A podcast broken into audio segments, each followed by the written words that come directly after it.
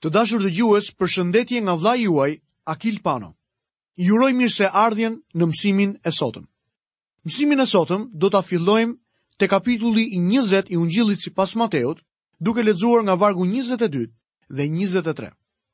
Dhe Jezusi duke u përgjigjur tha: Ju nuk dini çfarë kërkoni. A mund ta pini ju kupën që unë do të pi? Dhe ata i thanë atij: Po, mundemi. Atëherë ai u tha atyre, Ju me të vërtetë do ta pini kupën time, por nuk është në dorën time që të uleni në të djathtën ose në të majtën time, por u është rezervuar atyre të cilëve u është pregatitur nga ati im. Kur këto rreshta lexohen me pjesën e hequr, kuptimi bëhet i qartë. Miku im, mos e humb kuptimin e kësaj pjese, sepse është kaq e rëndësishme për të krishterët në ditët e sotme. Zoti ynë nuk po thotë se nuk ka vend për asnjeri në të djathtën dhe në të majtën e tij. Ai po thotë se nuk do t'ia japë në mënyrë arbitrare vendet Jakobit, Gjonit apo dikujt tjetër.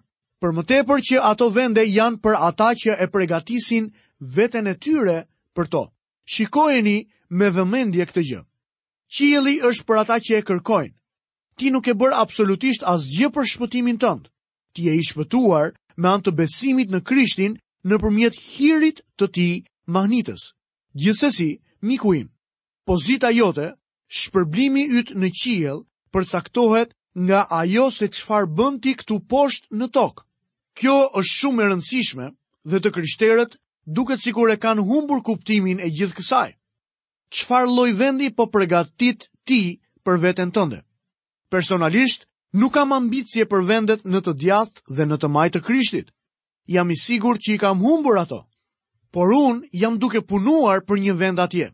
Të gjithë ne duhet ta bëjmë këtë gjë. Tek letra drejtuar Filipianëve në kapitullin e 4 dhe vargun 13, apostulli Pal thotë: "Po rend drejt synimit, drejt çmimit të thirrjes së lartëme të Perëndisë në Krishtin Jezus. Problemi me të krishterët sot është se shumë pak prej tyre përpiqen për të fituar diçka. Ne duhet ta pranojmë shpëtimin si një dhuratë falas, por në të njëjtën kohë duhet të hyjmë në garë për të marrë një shpërblim. Tani do të lexojmë nga vargjet 24 deri në vargun e 27. Kur i dëgjuan këto fjalë, të dhjetë të tjerët u indinjuan kundër të dy vëllezërve. A e dini pse u indinjuan ata? Sepse i donin për veten e tyre vendet në të djathtë dhe në të majtë të tij. Dhe Jezusi i thirri ata pranë vetes dhe u tha: Ju e dini se të parët e kombeve i sundojnë ato, dhe të mëdhenjtë përdorin pushtet mbi ato. Por midis jush, kështu nuk do të ndodhë, Madje, secili prej jush që do të dojë të bëhet i madh, qoftë shërbëtori juaj, dhe kushdo prej jush që do të dojë të jetë i pari, le të jetë skllavi juaj. Kjo është një rrugë e re për shërbimin dhe madhështinë dhe duhet të jetë shumë e qartë në mendjet e atyre që punojnë në shërbesën e krishterë. Miku im, nëse do të këndosh për Zotin, mos u përpiq të jesh mbi gjithë solistët e tjerë, Nëse po kërkon të jesh një predikues i Ungjillit, mos u përpiq të lësh mënjanë çdo shërbesë tjetër. Nëse po kërkon të jesh një drejtues në kishë, mos u përpiq ta bësh këtë edhe me shpenzimet e dikujt tjetër. Zoti ynë e bën shumë të qartë se rruga për të qenë i madh dhe rruga për t'i shërbyer atij është të marrësh vendin më të ulët. Ndërkohë që Jezusi dhe dishepujt e tij janë shumë afër qytetit të Jeruzalemit, për herën e pestë ai u flet atyre për vdekjen e tij të ardhshme. Lexojmë vargun e 28. Sepse edhe biri i njeriut nuk erdhi që t'i shërbejnë, por për të shërbyer dhe për të dhënë jetën e tij si çmim për shpengimin e shumë vetëve. Ky është një varg i jashtëzakonshëm, dhe çdo i krishterë duhet ta memorizojë atë. Ky varg duhet të jetë në majë të gishtave tuaj, kështu që kur vjen një mundësi për të dëshmuar, do të jeni në gjendje të tregoni pse Jezu Krishti erdhi në botë dhe cili ishte misioni i tij. Sepse në këtë pikë ka konfuzion edhe sot e kësaj dite. Le të shikojmë në vargun e 29 se si Jezusi do të shërojë dy të verbër. kur po dilte nga Jeriko, një turmë e madhe e ndoqi. Jezusi dhe dishepujt e tij po largohen nga Jerikoja për në Jeruzalem. Ky është drejtimi i kundërt i njeriut që zbriti nga Jeruzalemi për në Jeriko dhe u ul së bashku me hajdutët. Zoti është duke shkuar nga Jeriko për në Jeruzalem për të vdekur bashkë me hajdutët. Kjo është në anën tjetër të rrugës. Në atë anë, unë dhe ti nuk mund të shkojmë dot kurrë. Ne mund të shkojmë tek ai vetëm me anë të besimit, sepse ai vdiq në vendin tonë. Meqë ra fjala, disa njerëz besojnë se meqenëse Jezusi nuk e mbrojti veten e tij në gjyq, ai kurrë nuk u mbrojt dhe të krishterët duhet të ndjekin të njëjtën rrugë. Gjithsesi, herë të tjera ai e ka mbrojtur veten e tij. Kur shkoi në Jeruzalem për të vdekur, ai nuk u mbrojt, sepse ai kishte zënë vendin tim dhe vendin tënd, dhe unë dhe ti jemi fajtorët. Më besoni, ja pse ai nuk mund të mbrohej. Kjo është arsyeja pse Jezusi nuk e hapi gojën në atë kohë. Ai po mbarte mëkatin tim dhe mëkatin tënd. Lexojmë vargjet 30 dhe 31.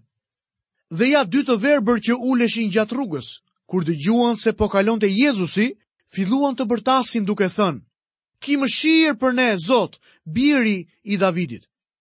O sa i dua ata dy djem. Askush nuk mund t'i mbante ata në qetësi. Por turma i qortoi që të heshtnin. por ata bërtisnin edhe më fort duke thënë, ki mëshirë për ne, Zot, biri i Davidit. Vini re që ata iu drejtuan Jezusit me saktësi, o Zot, biri i Davidit. Ata e pranonin mbretërinë e tij. Gruaja kananease ishte e para që e thirri Jezusin biri i Davidit, por Zoti i kujtoi asaj se ajo nuk kishte të drejtë t'i fliste atij në këtë mënyrë.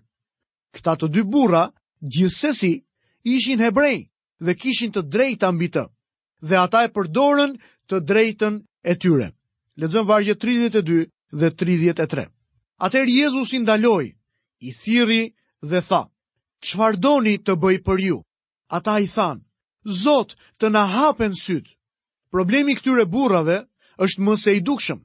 Pse pyeti Zoti se çfarë mund të bënte për ata? Miku im, kur ti vjen tek Zoti Jezu Krisht, duhet t'i tregosh atij nevojën tënde. Nëse po shkon tek ai për shpëtim, duhet t'i thuash atij që je një mëkatar dhe se ke nevojë për shpëtimin e tij.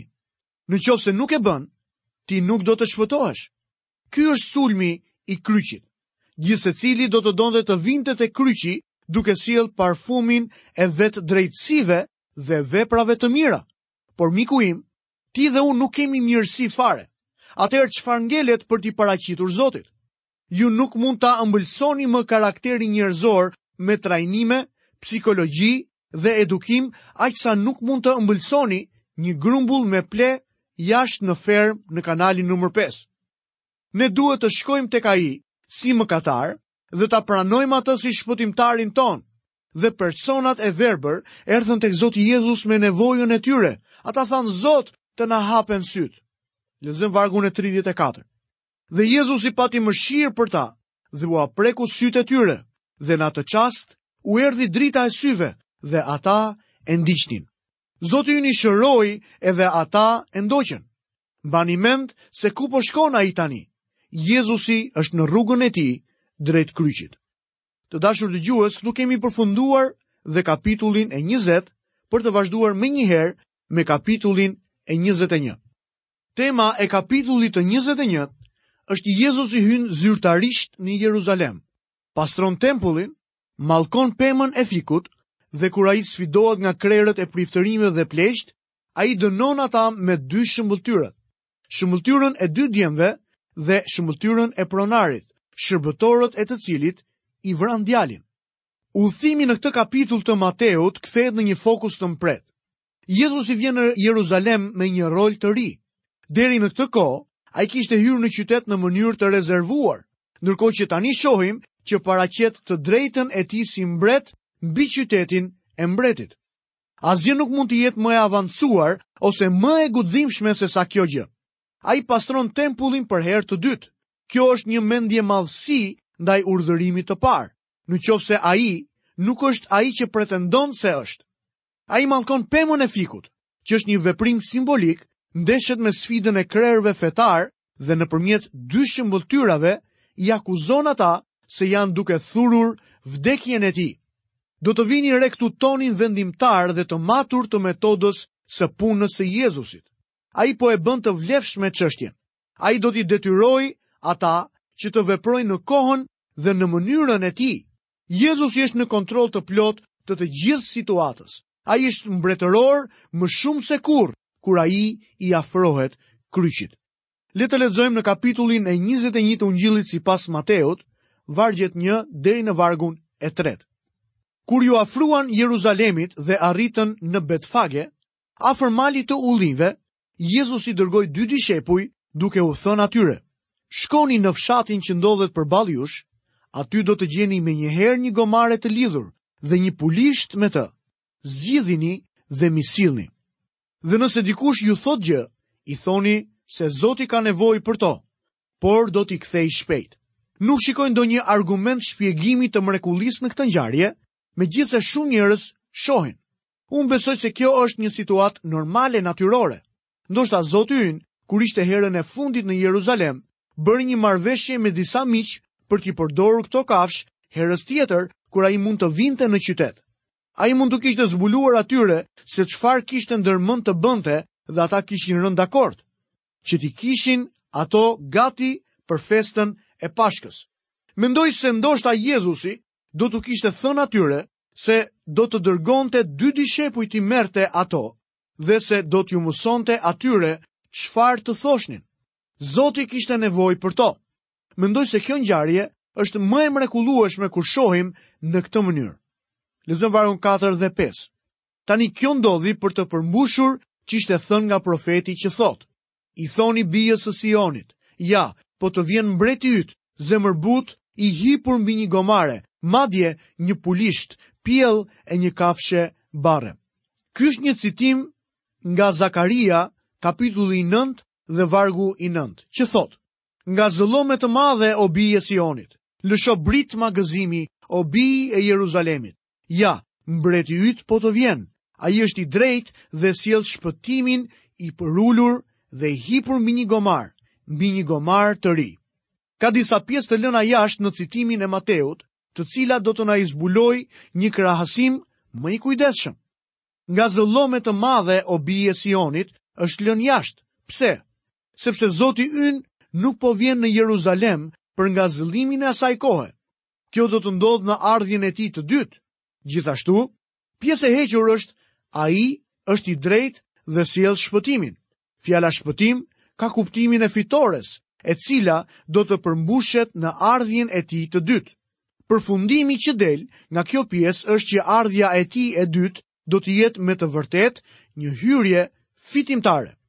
Supozohet se Zoti ynë po tregonte urtësinë e tij duke ngarë një gomar të vogël. Kjo nuk është e vërtetë. Kësaj kafshe të vogël i hipnin vetëm mbretërit. Në ditët tona, do të ishte sikur të ecje në qytet me një Rolls Royce. Gomari ishte kafsha e paqes, ndërsa kali ishte kafsha e luftës. Kur Jezusi erdhi i hipur mbi këtë kafshë të vogël paqeje, ai po e ofronte veten e tij si mbret. Pavarësisht nga fakti se ai po e bënte këtë gjë, profeti thotë që ai ishte i përulur. Kjo është një gjë shumë e rëndësishme për t'u kuptuar. Lexojmë nga vargjet 6 deri në vargun e 9. Dishepujt shkuan dhe vepruan ashtu siç u kishte urdhëruar Jezusi dhe i sollën gomaren dhe pulishtin, shtruan mbi to mantelet e tyre dhe ai u hipi. Dhe një turmë shumë e madhe shtronte mantelet e veta gjatë rrugës, ndërsa të tjerë thyenin degë nga pemët dhe i shtronin mbi rrugë. Turmat që vinin përpara dhe ato që e ndiqnin, brohorisnin duke thënë, Hosana, birit të Davidit, bekuar qoftë ai që vjen në emër të Zotit, Hosana në vendet shumë të larta. Është e mundur që Jezusi nuk kishte ardhur ndonjëherë më parë në Jeruzalem nëpërmjet kësaj rruge. Këtë gjë e vëmë re më mirë në Ungjillin sipas Gjonit. Mendoj se përgjithsisht ai kishte hyrë nga një shteg delesh në një mënyrë shumë të rezervuar. Kjo ishte porta nëpërmjet së cilës kalonin kafshët për sakrificë, por kësaj radhe nuk hyri nëpërmjet kësaj porte. shohim se Jezusi hyn si një mbret dhe të gjithë ata që e shoqërojnë e njohin si mbret. Është mundësia e tyre që ta pranojnë ose ta mohojnë atë. Do të lexojmë nga vargu i 10 deri në vargun e 13. Dhe kur Jezusi hyri në Jeruzalem, gjithë qyteti u ngrit në këmbë dhe tha: Kush është ky? Dhe turmat thonin: Ky është Jezusi, profeti nga Nazareti i Galilesë. Zoti ynë e detyron Jeruzalemin ta konsiderojë deklaratën e tij për një moment final. Pastaj Jezusi hyri në tempullin e Perëndisë, i dëboi të gjithë ata që shisnin dhe blinin në tempull dhe përmbysi tryezat e këmbyesve të parave dhe ndenjëset e shitësve të pëllumbave. Dhe ai u tha atyre: Është shkruar, shtëpia ime do të quhet shtëpi lutje, por ju e keni kthyer atë në një shpellë kusarësh. Kjo është një lloj gjuhe shumë e ashpër apo jo? Tani më lejoni të tërheq vëmendjen tuaj te disa fakte për sa i përket të ashtuquajturës hyrje ngadhnjimtare. Pikë së pari, nuk mendoj se hyrja ngadhnjimtare e Jezusit është emri i duhur për të, sepse sikurse e pamë, u përmbushën vetëm disa pjesë të profecisë së profetit Zakaria. Zoti ynë erdhi në qytetin e Jeruzalemit për të qenë një shpëtimtar. Ai po bënte kështu prezantimin final publik të vetvetes për njerëzit. Në qoftë se ju do të merrni parasysh të katër ungjijtë së bashku, ata prezantojnë një pamje të përbërë. Përfundimi i dukshëm është se Jezusi nuk hyri në qytet vetëm në një ditë, por në tre ditë të ndara. Hera e parë ishte të shtunën, ditën e sabatit. Nuk kishte shkëmbyes parash atë ditë. Dhe Jezusi pa rreth rrotull dhe pastaj u largua. Marku kapitulli 11 dhe vargu 11 thotë, Kështu Jezusi hyri në Jeruzalem dhe në tempull, dhe mbasi shikoi mirë çdo gjë, duke qenë se ishte vonë, doli bashkë me të dymbëdhjetët në drejtim të Betanias. Ai hyri si prift. Dita e dytë që hyri në Jeruzalem ishte dita e diel. Dita e parë e javës, shkëmbyesit e parave ishin atje, dhe Jezusi pastroi tempullin. Këtë gjë e pamë në vargjet dymbëdhjetë dhe trembëdhjetë. Në këtë ditë, ai hyri si mbret. Dita e tretë që Jezusi hyri në Jeruzalem ishte e hëna, dita e dytë e javës. Në këtë ditë, ai qau mbi Jeruzalemin, dhe pastaj hyri në tempull, mësoi dhe shëroi. Këto vargje i shikojmë në kapitullin e 19 të Lukës, nga vargjet 41 deri 48. Ai hyri atë ditë si profet. Ndërkohë që krahasojmë këto tre regjistrime tek Marku, Luka dhe Mateu, është e dukshme që ata kanë regjistruar tre hyrje të ndryshme, dhe unë besoj se Zoti ynë hyri në Jeruzalem në tre ditë të njëpasnjëshme dhe në tre role të njëpasnjëshme, si prift, si mbret dhe si profet. Dhe ai rihyri në secilën nga ditët në Betani. Me sa duket, ai nuk e kalonte natën në qytet derisa u arrestua. Mbani mend se hyrja ngadhënjimtare përfundoi në kryq. Por Jezusi do të vijë përsëri herën e dytë në triumf të plotë. Autori i letrës së Hebrenjve i vendos të gjitha këto së bashku në një mënyrë të mrekullueshme në kapitullin e 9 të librit të Hebrenjve, vargun e 28. Kështu edhe Krishti, pasi u dha vetëm një herë për të marrë mbi vete mëkatet e të shumtëve, do të duket për së dyti pa mëkat, për ata që e presin për shpëtimin. Tek libri i profetit Zakaria në kapitullin e katërmbëdhjetë dhe në vargun e katërt, na tregohet se kur të vijë herën tjetër në këtë tokë, këmbët e Jezusit do të ndalin sipër malit të ullinjve. Aty do të jetë vendi ku ai do të zbresë. Dhe kur ai të hyjë në qytetin e Jeruzalemit, kjo do të jetë hyrja ngadhënjimtare. Unë nuk mund t'i quaj këto tre hyrje në Jeruzalem si hyrje ngadhënjimtare, sepse Jezusi është në rrugën e tij për në kryq për të vdekur për mëkatin tënd dhe mëkatin tim. Pasi Zoti pastroi tempullin, shumë erdhën tek ai për ndihmë. Lexojmë në vargun e 14. Atëherë iu paraqitën të verbër dhe të çalë dhe ai i shëroi. Vini re se si Mateu e thekson faktin se turma të tëra njerëzish u shëruan atë ditë. Do të lexojmë në vargun e 15 të kapitullit të 21 të Ungjillit sipas Mateut. Por krerët e priftërinjve dhe skribët, kur panë mrekullitë që ai kishte bërë dhe fëmijët që brohorisnin në tempull duke thënë Hosana birit të Davidit, u zemëruan. Ata nuk po e duronin dot Jezusin. Lexojmë nga vargjet 16 dhe 17. Dhe i thanë, a po dëgjon ti çfarë thonë këta? Jezusi u tha atyre, po, a nuk e keni lexuar kurrë? Nga goja e të vegjëlve dhe foshnjave në gji, ti ke përgatitur lavdinë. Dhe mbasi i la ata, doli nga qyteti për në Betani, dhe atje e kaloi natën. Vargu thotë dhe mbasi i la ata, tregon refuzimin e krerëve fetarë. Jezusi doli nga qyteti për në Betani. Ashtu siç e thamë edhe më sipër, Zoti ynë nuk kaloi asnjë natë në Jeruzalem. Deri në ditën e arrestimit të tij, por e shohim të kthehet sërish në qytet ditën tjetër. Mendoj se kjo është hyrja që ungjilltari Luka thekson për ne. Hyrja e tij e tretë dhe e fundit të hënën në mëngjes. Të dashur dëgjues, këtu kemi mbërritur dhe në fundin e emisionit të sotëm. Përpara se të mbyllim këtë emision, dua t'ju kujtoj që në mësimin e ardhshëm do të përqendrohemi në kapitullin e 21 të Ungjillit sipas Mateut. dhe do të flasim për historinë e pemës së tharë të fikut, e më pas do të shohim shëmbëlltyrën e dy bijve dhe atë të vreshtarëve të këqij. Të dashur dëgjues, në fundin e emisionit të sotëm, ju uroj të gjitha bekimet e Perëndisë dhe paqen e tij në jetën tuaj. Ju ftoj që të qëndroni së bashku me mua në emisionin e ardhshëm dhe deri atëherë bashkë mirë u dëgjofshim.